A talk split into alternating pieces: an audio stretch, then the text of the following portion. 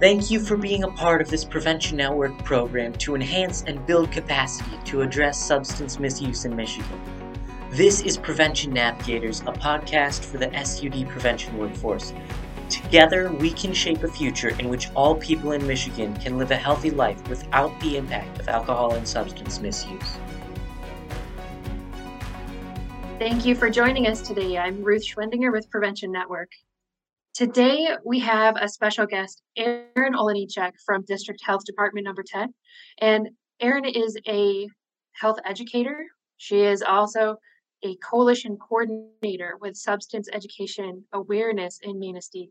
And their acronym, because we all love acronyms, is SEA, Manistee. So, Erin, thank you so much for being here today. Yeah, thank you for having me. I'm excited you should be excited because the work that we're doing is exciting where we're actively laying the groundwork and building sustainable structures to prevent substance misuse. And so i want to let people get to know you a little bit. Can you tell us why you're passionate about this why you're excited about the work you do? Yeah, I'm excited about the work I do because I was born and raised in Manistee County.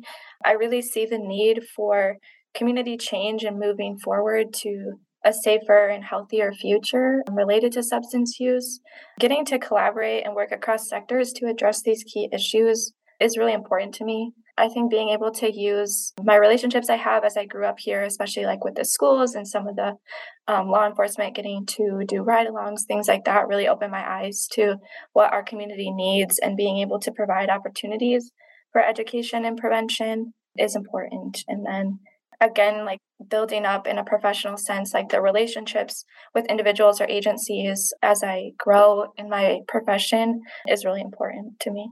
You mentioned that collaboration and as, as kind of a key aspect of the work that you're doing and why it's important what you enjoy about it. We're talking today a little bit more about community assessments and you talked about it opens your eyes when you can see from when you're walking a mile in another person's shoes, you're able to see what the needs are in our community better. Mm-hmm. Can you kind of describe the community that you serve from any of those different perspectives that you've developed? Yeah, I think just kind of generally the population for our county is around 24,000. I would say it's pretty rural. A lot is spread in the out county areas where it's difficult to, there's not a large transportation system. So we have a lot of individuals who rely on other people for rides, things like that. There's a few large employers, mostly industrial. So we have a lot of factory um, work as well. I would say it's kind of smaller, closer knit. It's kind of the feeling that everyone knows each other. You can rely on your neighbors. And tourism is like the biggest industry here as well. So we have a lot of people coming in during the summer and fall. I was going to ask about that industry part. What what do people do for the most part? Are there big factories? Is it tourism, farming? What what do people do? I would say a lot of it is factory work. So we have some bigger plants like PCA, Martin Marietta, Morton Salt as well. So a lot of it is like industrial factory work. The other part I would say is tourism. So we have a lot of um, charter fishing in the summer, guided fishing on our rivers. There's a ski mountain, Crystal Mountain is out in our area as well. So it really draws in people for all the seasons in our area. Good. How has COVID really impacted the coalition work that you're doing there? Yeah, I will say that I came into my coalition in the middle of COVID. So 2021, where we kind of started to come out a little bit of all the isolation and social distancing, but it was difficult. It slowed the work a lot from the previous coordinator. It made it difficult to connect. I think we kind of value the in person aspect here in Manistee County, being able to have those conversations before and after the meetings where we really find out what might be happening. Um, so that was difficult, but you know, like the other needs popped up with with COVID and all the related issues that came with that. So we took time to address those and kind of put our coalition, our coalition work kind of fell back. But I will say it opened opportunities for a lot of email communication of working with coalition members and their agencies of like, hey, there's some needs over here. I think this agency can address that. So being able to connect in that way outside of just substance use was really important. And then again, it gave us all the virtual platforms like Zoom and Teams um, different ways for us to connect. We did gain a couple new partners that hadn't been able to like regularly attend because we were able to utilize Zoom and teams. Um, so I think that was important. It kind of brought in some new faces and new perspectives to that. Would you say that the existing partners became more aware of other resources or that there was some decentralization of the responsibility to address those needs because the health department was primarily focused on COVID? Yeah, I think so. I think it made us aware that there are community partners out there and moving away from the silos we might work in, um, really opening up the communication and again like the resources of we became way at the health department aware of what resources there might be for someone needing to get to a food pantry. So a lot of things like that developed and i think that's important to keep in mind with coalition work is it doesn't just have to be substance use the relationship building and trust is really important as well i didn't pay you to say that right? Like just like that's that's the key point that i've been hitting for the last two months is that it's all about relationships with prevention and that you cannot do coalition work without trust in the community. Right. Yeah. And it's even stepping out of like you know i'm not super familiar with what one of our agencies, so our local CMH, I'm not familiar with all their programs, but it gave me the opportunity to connect with them to learn more about their programming. And I think that really builds that trust and understanding that I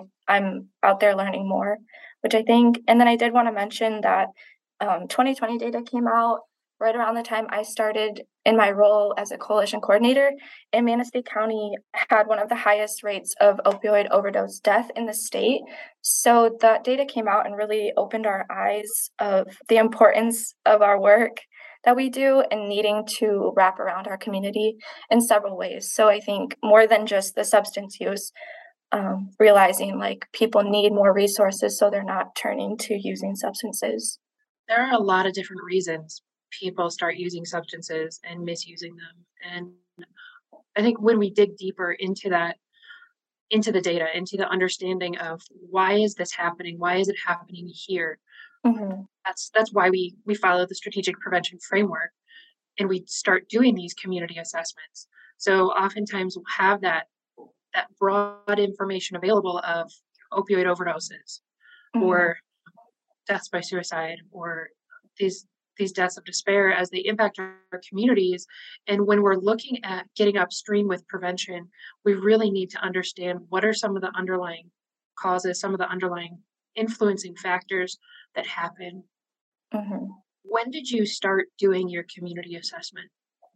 Um, we started in April planning for the assessment. Um, I really started the work in May of having stakeholder interviews is what really kicked off our assessment and that was something that I really enjoyed getting to do because relating back to the relationship building, it gave me a chance to sit one on one with some of our key stakeholders in our community and be able to, you know, gain their insight on substance use or what their perceptions are in the community.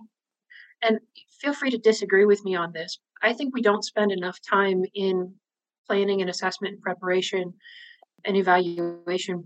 I think that in general, a lot of the groups I'm working with, a lot of the programs that I see implemented are really focused and time intensive on implementation.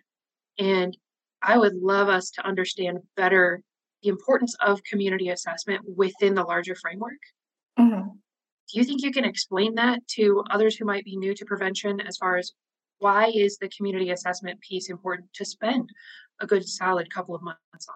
I think it's important because if you aren't familiar initially with assessments and getting out in the community, it gives you the time to do the research to make sure that you're providing and asking questions that are really going to get the data that you need versus just you know maybe pulling something off the internet. You can really spend time and tailor those questions and the data that you want to connect um, collect um, to your community versus a just general question that might not help you understand those root causes or why it's happening here. We spent a lot of time researching different key stakeholder questions and focus group questions and really was able to spend a few the two months april and may tailoring those to what we thought would be the most beneficial for manistee so you're you're finding like up to the minute real time responses to these questions through surveys and stakeholder interviews and different different formats of asking questions are you also including kind of historical data and national trends? What are the other ways you're collecting information? Yeah, we use several different sources. So we're we're lucky enough to work with our epidemiologist here at the health department, and she provided insight on um, a lot of secondary sources. So we included data from the MiPHY to address youth substance use. We looked also at adult substance use, which is a little bit more difficult in the secondary data part, just because it's hard to breach that population with surveys and whatnot. But we did use the Michigan Behavioral Risk Factor Surveillance Survey. We utilized data from Department of Health and Human Services and then 1016 Recovery Network, which is a little more local to Michigan. And so we were able to look, we went back five years and really captured that the trends for Michigan is really what we focused on. We didn't look nationally, but I think those will be in our next steps because our coalition does want some more data out there to kind of see how we're falling in line state within the state and also like nationally, like how Michigan is fitting in as well. Because there are unique circumstances that set Michigan apart as far as substance misuse, like um, the intense focus to reduce methamphetamine production in our state, right? So we're, we're looking at some of these different state trends as well as the local trends. And I love that you're looking at five years because the impact of COVID is really significant when we're looking at the data that we're collecting as well as the behaviors that may impact substance misuse. With the key stakeholder interviews, we geared questions specific for courts and law enforcement, as kind of had one set of questions. The hospital system, Munson, was able to provide their admission data and ER visit data, which was very beneficial for us. So, connecting with the hospital system is very valuable, in my opinion. You can really get a lot of data. And, and then we had questions for pharmacy, and then um, we did develop youth and adult and parent focus group questions, but I haven't been able to get the focus groups completed yet just due to busy schedules and communication barriers. So you've tailored specific questions towards specific audiences to get at the information that those people can, those focus groups can specifically provide. Right. Yeah. And I think that's going to be beneficial. I'm not giving up on the focus groups. I still hope that we can have them even into the winter months if that's the timeline that fits our coalition better. It was a lot of data that was collected. What kind of questions are you finding? What kind of assessment are you doing? Are you doing a needs assessment exclusively? Or are you also specifically looking to identify strengths in the community? Or are you looking at the readiness level, the community readiness level in Manistee to address specific issues? Yeah, so we kind of did a needs assessment, I guess I would say. We looked at, we asked a lot about perception and like what do our youth specifically need to prevent substance use or, you know, lessen the youth um, rate of use really looking at that. We pulled a lot of data because we wanted to gain a wide view of substance use. So, besides our secondary data and focus groups and stakeholder interviews, we put out a community survey for Manistee County that was primarily boosted on social media through the health department. And then we also promoted it through like email networks, people sharing it out that way.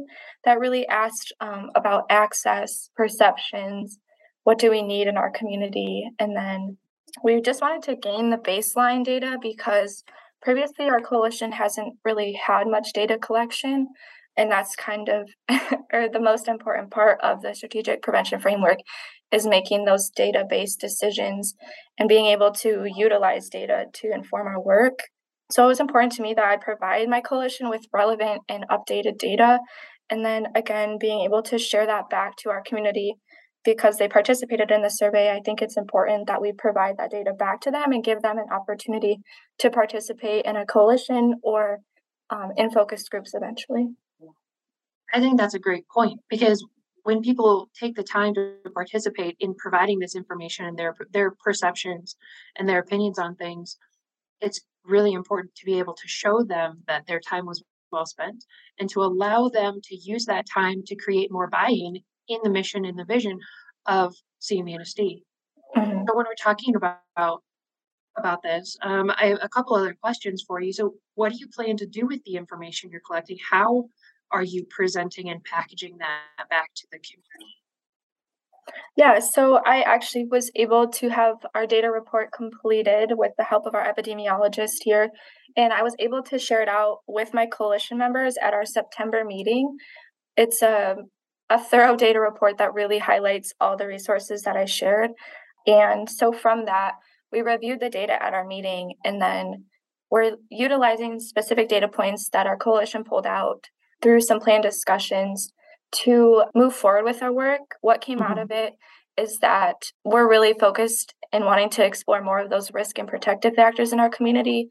So, a little bit different than addressing specific substances, but looking at the whole picture and being able to identify those other resources, like we talked about before in the community. Like, are there resources for youth that are homeless? Are there resources for families that need food? So, in active pro-social activities things like that where we're able to promote those and identify those before we really start to address specific substances and i think that's going to give our community a good foundation and be able to move forward from those a lot of times we'll see we'll see this these trends in community assessments where adults and parents will assume or, or believe that youth substance misuse stems from peer pressure or mm-hmm. just an excess in the availability. Youth are reporting more and more that it's due to boredom, or lack of those pro social activities. We also know from the social determinants of health, you know, from that foundation that if people don't have safe and stable housing, they don't feel safe when they're at home. They don't have reliable transportation to get to potential pro social activities. And trying to address the availability and use of substances is is missing the point and so we really need to look at moving upstream, looking at primary prevention, looking at those risk and protective factors, as you said. And as you're going through the strategic prevention framework and you're you get to the point where you have all this data, some people might feel a little overwhelmed by all of it. There's a couple of questions we ask ourselves in order to identify what are our next steps. And so we're going to be asking ourselves, okay, from this data, number one, what's having the biggest impact in our community? what is having the most severe impact in our community of those things that are causing significant changes in the quality of life for the people here whether it's it's death or disease or whatever it is that we're trying to prevent we need mm-hmm. to ask ourselves of those that's having you know the top 3 that are having the most severe impact what do we have the capacity to address mm-hmm. and when we're doing that and having those conversations we need to make sure that our coalition members are all on board and aligned with our purpose and understanding their role in that purpose. Mm-hmm. And so, from the capacity building standpoint, this is a critical point of we have the data, we're deciding what to do next. How do we identify what we're going to do next is based on those two questions. What surprised you so far about this process? I think what surprised me the most is all the data that's available out there, whether it's from those secondary sources or how willing people are once you contact them to share their information or share what they know, what kind of like what applies in their field of work. It feels sometimes like we're in silos and we're just doing the work on our own or trying to find and track down all the data. But if you take the time again to sit down for those one on one conversations, it really surprised me how willing and engaged people were in the questions that I was asking. And then also allowing them to share more than what's than what my questions were looking for, allowing the time for those side conversations or for them to go into detail about an experience that they had, I think is really important. And that surprised me, like how willing and how much data was out there that people know about. So you talked about those relationship building, trust, connections, the openness, the willingness of people to share. I had a good conversation with a, another young person doing coalition work, and he struggled with how do we build those connections you know i'm i'm going to these meetings and i see this other person same age same gender same you know role similar role and this person grew up here they know everybody they know everybody's you know aunts uncles cousins background story they know you know everything about the community so they walk into a room and they're automatically connected. And i'm trying to encourage this young person uh, to to understand that when we connect with our higher purpose of preventing substance misuse or building healthier communities, creating the, the sustainable structure of a coalition so that the coalition can continue that work and we can be more effective at what we're doing, we connect people with that higher purpose instead of with ourselves personally, then it's more sustainable. Mm-hmm. Because we know that in, in your role, coalition coordinators often change.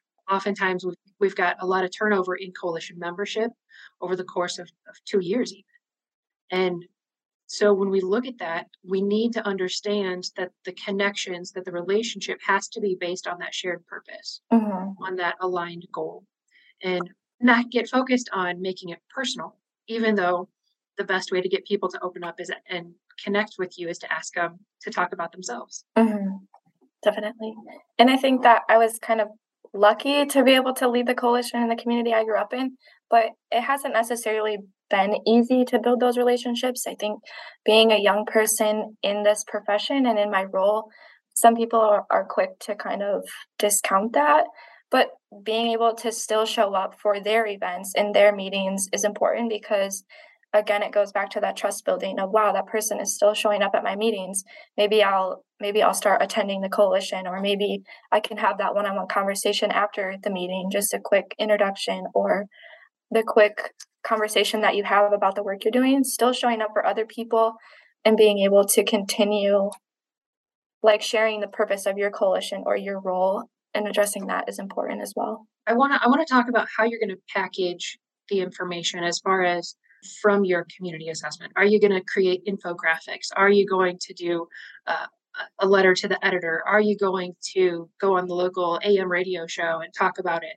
Are you going to host a coffee talk in the local coffee shop and say, "Hey, everybody, come here. We're going to talk about this." And then I've got, you know, one of those those cardboard posters that everybody could take a look at with graphs and charts, mm-hmm. and all, all the colors.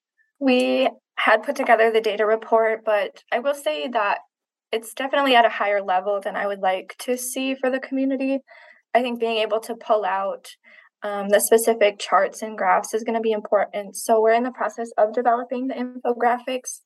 Um, and like I said before, I really do want to share back the information to the community because they participated in part of the data collection. So giving them um, the acknowledgement and that their voice is valued um, is important. So definitely developing some charts that can be placed around the community. I would really be interested in hosting like the conversations or coffee and conversations and really draw in those people who might not be involved in the professional world but rather like community residents or those with lived experience or those who might have lost someone to substance use to really share that this is that this data is out here and it's important that we start addressing it through prevention and heading upstream that way. One of the ways that I've seen other groups be effective at getting the word out and invitations and result community assessments is alongside like the water and trash bill. Mm-hmm. So just ask the county clerk to include that in their updates, in their regular mailings. Um, and that's been really effective like surprisingly effective like you found it really surprising when uh, people were so willing to sit down and talk about the different ways that substance use is impacting their their lives and the economy and, and whatever it is that they're involved in it is often really surprising how willing people are to accommodate those requests mm-hmm. And I think it's important too, even if someone doesn't show up to the coalition meeting or they don't necessarily respond in the way that I would like for them to participate in the coalition or attend events, but just being able to supply that information out there and have it out there that people are able to access it and read it and kind of sit with it in their own way that's impactful for them versus trying to guide what I think they sh- how they should respond. I think letting people process and understand the data in their own way is important too how do you want people to respond who are listening to the podcast right now? Because you you've talked about how you want people to respond to the data when you present it to them. How do you want people to respond to the podcast?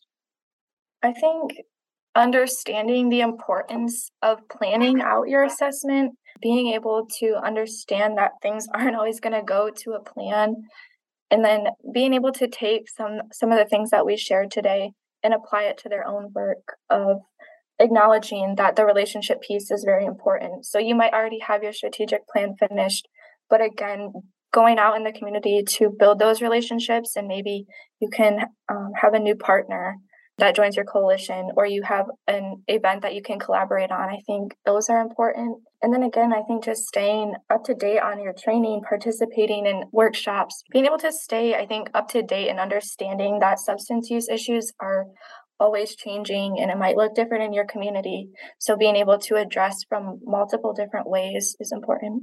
Thank you very much for joining us today, Erin. I've I've learned a lot. I appreciate your perspective on things. Thank you. Thank you for having me. We invite you to respond by getting connected. Subscribe and listen. Visit our online community. Contact Ruth to participate in workshops or request one on one guidance about this month's topic. Email Ruth at ruths at preventionnetwork.org or call 517 393 6890. Thank you so much for your contributions to shape the future through prevention. This has been Prevention Navigators, a Prevention Network program.